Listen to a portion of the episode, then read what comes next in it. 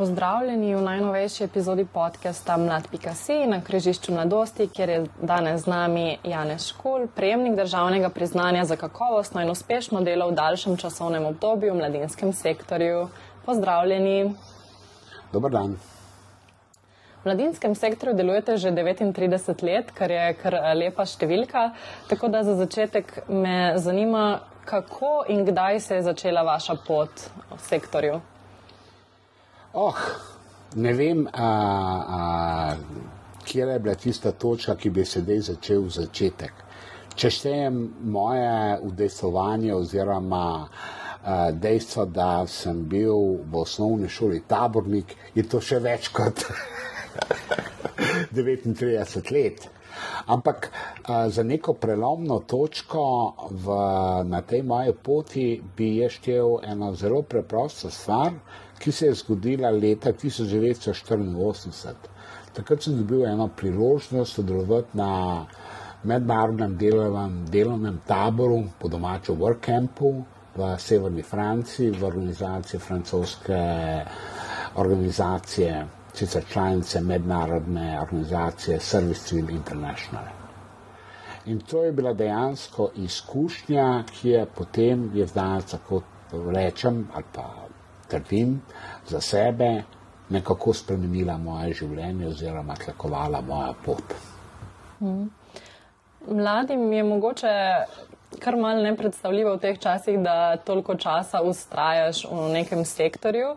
In uh, me zanima, kaj je bilo tisto, kar je vas um, motiviralo in gnalo naprej, da ostajate. Jaz bi rekel različne stvari, mogoče pa tukaj bi izpostavil dve. Tisto, kar sem doživel, doživel na tem delovnem taboru v Franciji, je bilo izredno močno. In meni se je zdelo pomembno, ali pa imel sem željo, da bi na nek način prispeval, da bi čim več mladih iz mojih sredine, iz Slovenije, imelo to možnost. V bistvu to, da bi se šli kakršne koli izmenjave, sredi 80 let, 80 let prejšnjega stoletja ni bilo dejstvo. Danes v vsej množici se človek to niti ne zaveda, ampak to pogledno je bila takratna slovenska in jugoslovanska družba sorazmerno zaprta in kakšne posebne organiziranih oblik izmenjav ni bilo. Kar je bilo, je bilo zelo, zelo omejeno. In dejansko pravim, takrat leta 1984 je bil en prvi poskus takratne mladinske organizacije navezati stike in sodelovanje z Service Civil International. Ta sodelovanje je bolj potekalo na pobudo Service International kot naše strukture in na nek način, ja, uh, je iz tega mojega prispevka kasneje uh, nastalo pač organizirana izmenjava prostovoljcev znotraj FCI, potem to smo to razširili še na druge mreže. Skratka, vse tisto, kar danes recimo med drugim dela tudi Zavod Voluntarijat. Mm. Torej bi lahko rekli, da ste v bistvu začetnik oziroma um, da ste nekako pripeljali te izmenjave v slovensko okolje.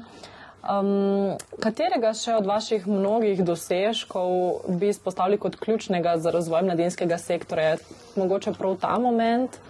Uh, pa, veste, ko se tako človek ozre nazaj, je seveda mnogo teh ključnih eh, dosežkov ali pa recimo noben. Hmm. Ampak mogoče zaradi časovne perspektive bi omenil dva. Ja, prvi je zagotovo to, da uh, sem prispeval k uveljavitvi te mednarodne izmenjave prostovoljcev.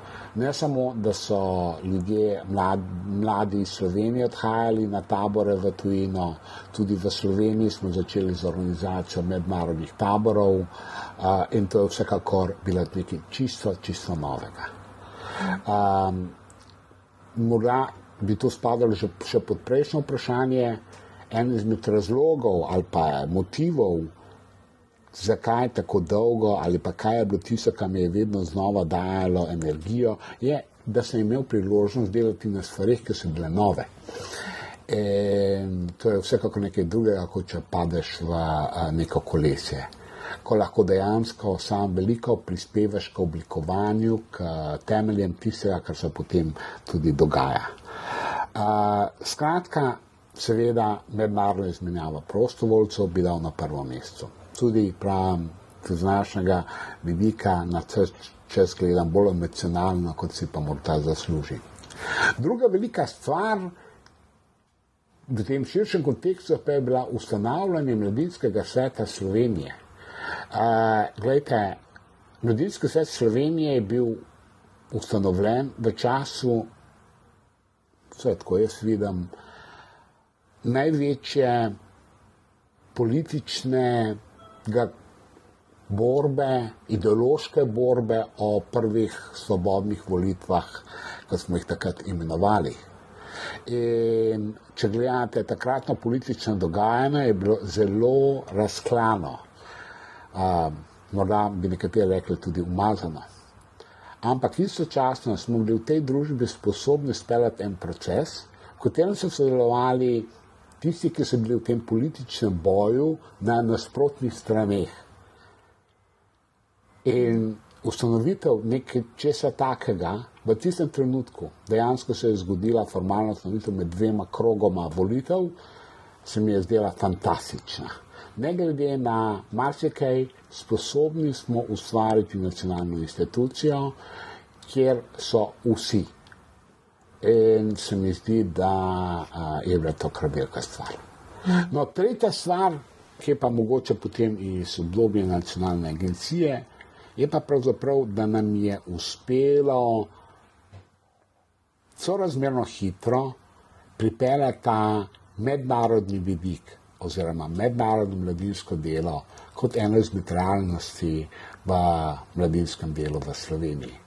Zopet, z današnjega vidika, ko se zavrne toliko in toliko predlogov, projektov zaradi pomankanja financ, čudno, a ne? ampak dejansko smo v tistih prvih letih, govorimo o letu 99, 2000, morda 2001, hodili naokrog in ljudi prosili, ne za božjo voljo, pa vseeno se odločijo, da poskusijo za mladinsko izmenjavo. E, skratka, e, zopet eno oranje ledine, nekaj novega in to je to. Mm. Ja, zdaj, ko omenjate mednarodno, že v bistvu od vsega začetka delujete na mednarodni ravni. Uh, in me zanima, če um, mogoče opazite kakšne uh, razlike v mladinskem sektorju v Sloveniji ali tujini, je nekaj, kar bi bilo vredno mogoče izpostaviti. Je bi celo rekel, če se tako reče, lahko samo kritičen, da uh, od tistega začetka, recimo tabora v Franciji, pa do danes sem predvsem deloval na področju mednarodnega mladinskega mm. dela. Eh, oziroma se ukvarjal z zadevami, ki so tesno, tesno povezane s tem. Bodi si v mednarodnih mladinskih političnih strukturah, kot je Senik ali pa današnji Evropski mladinski forum, pa do bolj pragmatičnih oblik, kot so recimo mladinske izmenjave ali pa izmenjave prostovoljcev v teh zadevah. Sedaj, kar se pa tiče razlik, seveda, ogromne so. In dejansko mladinsko delo vsi uporabljamo v angleščini izraz youth work. Ampak kaj dejansko stoji za tem izrazom v različnih sredinah, se veliko krat niti ne vprašamo. In to je za mene tista žalost, da je marsikaj izgubljeno v prevodu. V različnih koncih Evrope so koncepti mladinskega dela zelo različni, povezano z njihovo kulturo, seveda mislim kulturo v širšem smislu, mm. z njihovim družbenim razvojem, z načinom delovanja tudi drugih sistemov. Recimo, kakšna je vloga lokalne samoprave, koliko je močna, a, a, koliko je neodvisna ali ne, ne. To niso stvari, ki so primerljive enostavno, čeprav boste po celi Evropi našli občine. Ampak kaj pa je njihova pristojnost, je seveda zelo različno. In zdaj, če govorim o tem, o teh razlikah, seveda, da ne bo vse v zraku. Jaz vidim recimo eno veliko ločnico med severom in jugom Evrope. Recimo na severu Evrope so se mnogo prej razvile oblike mladinskega dela, ki mu jaz rečem mladinsko delo kot javna služba. Skratka, oblastne strukture, še posebej na lokalnih ravneh, ustanavljajo službe, ki se ukvarjajo z mladimi. In to je bil recimo nek razvoj uh, od konca 80-ih let naprej v tem delu Evrope in je danes zelo močan. Na drugi strani imamo jug Evrope, od Portugalske proti vzhodu, uh, kjer pa so mnogo bolj uveljavljene tako imenovane youth-led zgodbe. Se pravi, tiste zgodbe, ki jih pri nas bi rekel v okviru društva, pelejo sami mladi. In seveda, recimo zanimivo je tudi gledanje na starost. Pri nas je starost mladih, ki so zajeti, so razmerno visoka. Mm. Jaz pa, če dalje bolj, tudi morda zaradi tega pogleda drugod, razmišljam o mladostiku, o 16, 17, 18 letniku, ki naj bi mu mladinsko delo nekaj dalo. In z vidika odraščanja, veste, večina, večina mladih pri tam 27 letih je že formirana osebnost tukaj boste težko kaj novega tega konja naučili, mm. ker ima svoje prepričanje, ker ima svoje, uh, uh, uh, svoje izkušnje. Uh, uh, Medtem, ko ravno v tem obdobju, ko mladi začnejo zapuščati prostor družine in če dalje bolj živijo tudi izven prostora družine, to pa je 16, 17, 18, je tisto ključno obdobje, kjer lahko z vključitvijo v prostor mladinskega dela dosežemo največji učinek v smislu te socializacije, eh, en izmed ciljev mladinskega dela, ki ga, ki ga pričakujemo. Mm. Pa bi glede na te specifike, ki ste jih zdaj omenili, uh, starostna skupina, s katero se ukvarja mladinski sektor Slovenije, pa mogoče tudi nek model delovanja. Zdaj, če se strinjate, jaz bi rekla, da je nek miks med uh, tem severnim in južnim modelom. Um, me zanima, če bi, niti ne priporočili, ampak mogoče kje vi vidite, da so neke smernice um, za razvoj mladinskega sektorja naprej. Ta. O smernicah radi ne veliko, jaz pa zadnje čase vse, vse uh, uh, manj.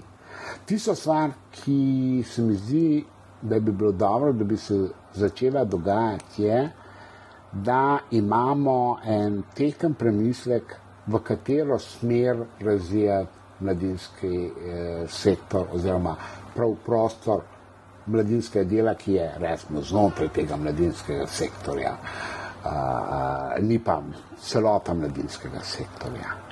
Uh, da, imate prav. V Sloveniji smo priča kombinaciji, vendar z vidika javne podpore je izredno dobro poskrbljeno za vse tisto, kar deluje v okviru, če mu jaz pravim, javni servis. Mhm. Za tisto, kar pa ne spada pod okrilje javnega, kar je zasebno, govorimo o društvih, pa je ta sistemska podpora izredno, izredno šipka. Uh, in za mene je to vprašanje, ali si ta zasebni sektor, ta društva, da ne bo pomote, ne zaslužijo nekega spodobnega mehanizma javne podpore, se na koncu koncu, če je produkt tisto, kar odnese ta mlad človek, opravljajo isto delo. Z vidika pluralne družbe pa se mi zdi to izredno pomembno. Ker ena izmed stvari, ki jo vseeno opažam, je, da je razvoj mladinskega dela v primerjavi z drugimi južnimi državami, če se noter prisvojim, izredno, težko je reči, ne pluralen, ampak kakšnih velikih ideoloških razlik in razlik v pedagoških pristopih, ki bi jih različni akteri uporabljali, pa ne vidim. Uh, ampak ta različnost se ne bo spostavila znotraj javne službe.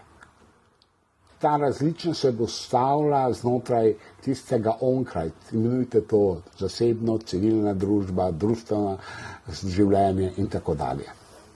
Torej, v bistvu tudi večja podpora um, temu, kot ste rekli, v narekovajih zasebnemu um, delu mladinskega sektorja. Ja, se je ta izraz zasebno, nekaterim takoj pade, ampak gledajte, vse, kar ni javno, mm. torej občinska last, državna last, je v principu zasebna last. Mm. Pa tudi, če je društvo, je to združenje, zasebno združenje posameznikov, mm. posameznic. Um, prej ste omenili um, tekom tega odgovora produkt, torej kaj mlada oseba odnese. Pa me uh, zanima še, kje vidite pomen, največji vpliv mladinskega sektorja za mlade, na mlade. Jaz predvsem ta uč, učinek ali pa najpomembnejši učinek iščem v tistih kotih, ki jih ne pričakujem znotraj družine, znotraj šole. In za mene je to razvijanje aktivnega državljanstva. Ampak kaj to pravzaprav pomeni? To pomeni, da se zanimam za to, kar se okoli mene dogaja, ker vem, da to z nami vpliva. Gradim svojo pripravljenost posestva dogajanja, in tudi posegam v dogajanje, ampak istočasno to delam ob zavedanju, da smo v družbi ljudje, posamezniki, skupine z različnimi interesi, pogledi, če hočete, in da se učim ene, ja, veliko krat mu kot trpne poti dialoga, tudi s tistimi, ki jih ne maram, tudi o tistem, kar nočem slišati. In to je pa tisti prispevek mladinskega dela, ki ga lahko da za eno demokratično, pluralno, ampak vseeno strpno družbo, v kateri bi želel živeti. Hmm. Jaz se strinjam, da mogoče prav uh, v današnjih časih ta neka sposobnost dialoga um, pač s tistimi, s katerimi se ne strinjajo, jih nočemo slišati, mogoče tudi kdaj mal zmanjka. Tako da, um, ja, pomembna. Ja, ampak, ampak to je tudi bistvo. Tudi recimo, naprimer, ta instrument mladinskega sveta je, da kaj pripeleš različne. Mm. In da vseeno bodo o določenih zadevah, ki jim vsi pripisujejo nek pomemben pomen za vse, našli neko soglasje. Mm. Ni pa nujno, da bo našli soglasje okoli vsega. In to, hvala Bogu, je pluralnost. Mm. Strinjava se o tem, kar se strinjava, na tem bova gradila sobivanje. Tisto, kar pa naj ločuje, pa ne bova metala drug drugemu v obraz a, in s tem, a, a, ja, vse, kar pride s tem. Mm, ja, ja, se strinjam, pač pomembno je, no, da, se, da se na tak način vzpostavljajo ja, in, odnosi. In, in, in vse vem, da uporabljamo različne izraze ampak ravno ta namen mladinskega dela v tem, kar jaz imenujem politični socializaciji življenja v demokratični, pluralni družbi, o tem malo kar govorimo. Govorimo o vseh drugih stvarih, ker so jih nam vrgli, naprimer povečevanje zaposljivosti mladih in te zadevčine. Ja, to pogrešam. Mm. Torej, definitivno stvar, na kateri moramo uh, v sektorju še naprej delati, v bistvu malo, um, da se tudi to no, spet nekako pripelje. No. Ja, zopet, kot sem rekel, a ne pripeljati nazaj dialog med akteri. ne samo o zelo pragmatičnih zadevah, ampak tudi o teh bolj a, teoretičnih a, zgodbah, ki bi morali slediti. Mm. Um, zdaj, danes se pogovarjava o posebni priložnosti in sicer, kot sem že na začetku omenila, ste prejemnik državnega priznanja za kakovostno in uspešno delo v daljšem časovnem obdobju. In me zanima, kakšni so vaši občutki ob tem priznanju, oziroma kaj vam to priznanje pomeni. Oh. Rečemo tako. Recimo, da je država opazila, da sem na svoji poti pustil nekaj otisov. ja, seveda, uh, sem vesel. Uh, ampak moram reči, da je bila tudi zelo dolga pot. In da je to hvala ali ne, se mi zdi, da sem kar nekaj otisov pustil. Mm. To smo tudi prepozna prepoznali. No, in, uh, mislim, da ima sektor velik doprinos od vašega dela. Um, trenutno vas lahko spremljamo v vlogi predsednika upravnega odbora nacionalne agencije Movit. Um, pa bi mogoče delili, kakšni so vaši načrti za prihodnost, ostajate še naprej upeti v delovanje mladinskega sektorja? Poh, pri teh letih verjetno polje delovanja, ki jih ne bom zamenjal, sem bolj na izhodu, kot kje drugje. Uh, tako da uh, verjetno bom do upokojitve kar ostal uh, v tem mladinskem sektorju. Tista stvar, ki uh, si jo še želim in je malce se povezuje s tem, kar sem že povedal. Rekl sem, da se mi zdi, da manjka teoretičnih razprav, mm. da manjka predstavitev različnih vizij razvoja mladinskega dela v Sloveniji da manjka analiz med tistim razvojem v smislu oziroma v smeri mladinskega dela kot javne službe in kot jutlet uh, uh, mladinsko uh, delo. Skratka, če bi lahko imeli do neke mere, mislim, da ima možnost to spodbuditi, uh, bi bilo lepo a, a, v teh zadevah. A, vendar zopet, Movit lahko da priložnost. Ampak, če ne bo občutka po tej potrebi v tej širši skupnosti, a, ne bo nič. Mm. Ker se srečujemo, jaz pravim tudi z enim drugim. A, ta skupnost mladinskega dela, recimo temu tako, v Sloveniji je zelo bogata ima izredno veliko praktikov, teorije pa so razmerno malo. In to je ena izmed razlik med slovenskim prostorom in drugim. In morda čisto za konec, ko že govorim o, zopet o tej teoriji in o, o svojih izkušnjah a, v teh zadevah, včasih se malce slabo počutim, ker si pripisujem dejstvo, da danes govorimo o mladinskem delu sebi. Jaz sem prevajal youth work. Veste, v nemščini te besede ne boste našli. Tudi v francoščini ne boste našli, ker so različni koncepti zadaj. In ko danes gledamo, ko vidim, da v bistvu Ne? Odprite Google, dajte Youth Work, vprašajte strica eh, Google in vam bo ponudil veliko naslovov. Ampak v glavnem izvirajo v Veliki Britaniji, v Avstraliji, v ZDA, zelo malo pa od drugot. In tudi to je ena izmed stvari, ki bi se lahko v teoriji dobro naučili oziroma začeli prepoznavati. Malce samo kritičen sem. A, a, mogoče smo vnesli pre, pre, preveč anglosaških zaradi jezika zgodb. A, in zato sem naprimer zelo vesel, da bo Movit v prihodnem letu v okviru enega projekta Europe Goes Local organiziral študijski obisk na portugalskem. En izmed držav, ki spadajo v ta južni blok kjer res lahko govorimo o močnem mladinskem delu, ki je mladi za mlade, v korist mladih, jutlet zgodbe.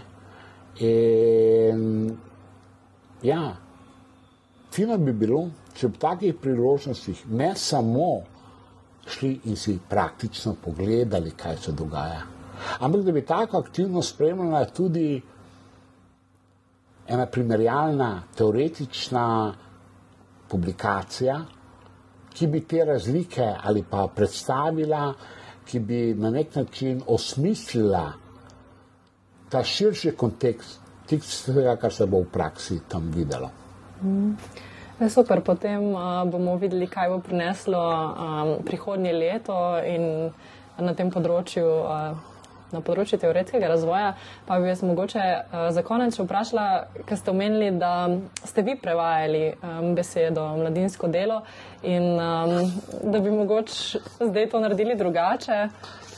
Um, No, gledajte, reči, da sem jaz to prevedel. Jaz sem zelo veliko uporabljal to besedo takrat, mm. ne, začel uporabljati. V, pred letom 90 bi o mladinskem delu lahko malce kje slišali v Sloveniji, v zelo zaprtih prostorih.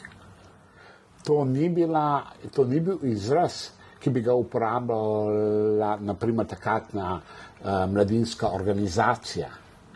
Uh, uh, takratna mladinska organizacija se je mladinskemu delu v tem klasičnem pomenu mogoče najbolj približila z izrazom uh, mladinske prostočasne dejavnosti. Uh -huh. In jaz pravim, leta 90 in tam naokol smo ta izraz prepeljali. Prepeljali smo ga pa iz angliških tekstov. Uh -huh, yeah. Zato pravim, nisem bil sem jaz, bili so tudi drugi. Ampak, če bi takrat imel to vedenje, to znanje, ki ga ima danes, bi se rekel, ok, dajmo pogledati, kako pa to poimenujejo v kakšnih drugih mm. jezikih. In potem iz tega, kaj je vleč. Mogoče bi bile zgodbe tudi lahko bolj pozitivne, ker roko na srce, če boste danes poprečnega človeka ustavili na ulici in ga vprašali, kaj za njega je mladinsko delo, govor verjetno ne bo ravno uh, uh, ne, uh, ena anekdota. Mm, Nekoč smo povabili v okviru neke aktivnosti nekega profesorja na eni izmed ljubljanskih fakultet, da bi kaj spregovoril o pomenu mladinskega dela. Ta prijeditelj bo v Cankarevem domu. Všeč nam je bilo, da bi imeli nekoga iz akademije, uh, akademije uh, uh, v tem. In je, cel govor. Ampak v bistvu je govoril o mladinskem delu kot študentskem delu. Vse je hitro pogruntal, da je ga ustrelilo mimo. Mm -hmm. In potem ne vem, komu je bilo bolj narodno. To je kar pogosto zamenjava, se mi zdi. Um... Ja, ker morda s tem izrazom premalo dosežemo sporočilo ne dosegamo, ponudimo sporočilo, kaj to pravzaprav mhm. je. Bi mogoče poslušal, poslušalcem sporočili še kaj za konec? V bistvu niti ne. Tista stvar, ki imam je zelo v glavi, ko zopet ne neko, pre, pre, zopet sem me peljal neko potovanje nazaj, a ne, imam pred očmi obraze, mnogo, mnogo obrazov. Veste, to kar mi je uspelo, te otise, ki sem jih pustil, tega sam ne bi nikoli mogel. Zato, da se je zgodila tista izmenjava prostovoljcev, da sem jaz lahko sodeloval in bo neko brez, ki mi je dal možnost in potem tako naprej skozi. In brez teh ljudi, ki so sodelovali, bi težko bilo karkoli. In zato bi v tem trenutku rekel samo hvala vsem, ki so bili moji sopotniki na tej moji poti. Hvala, jaz bi se pa na tem mestu zahvalila tudi vam, da ste se nam eh, pridružili na današnjem pogovoru in vam obenem tudi čestitala za prejeto državno priznanje. Tako da še enkrat čestitke in hvala. Hvala vam.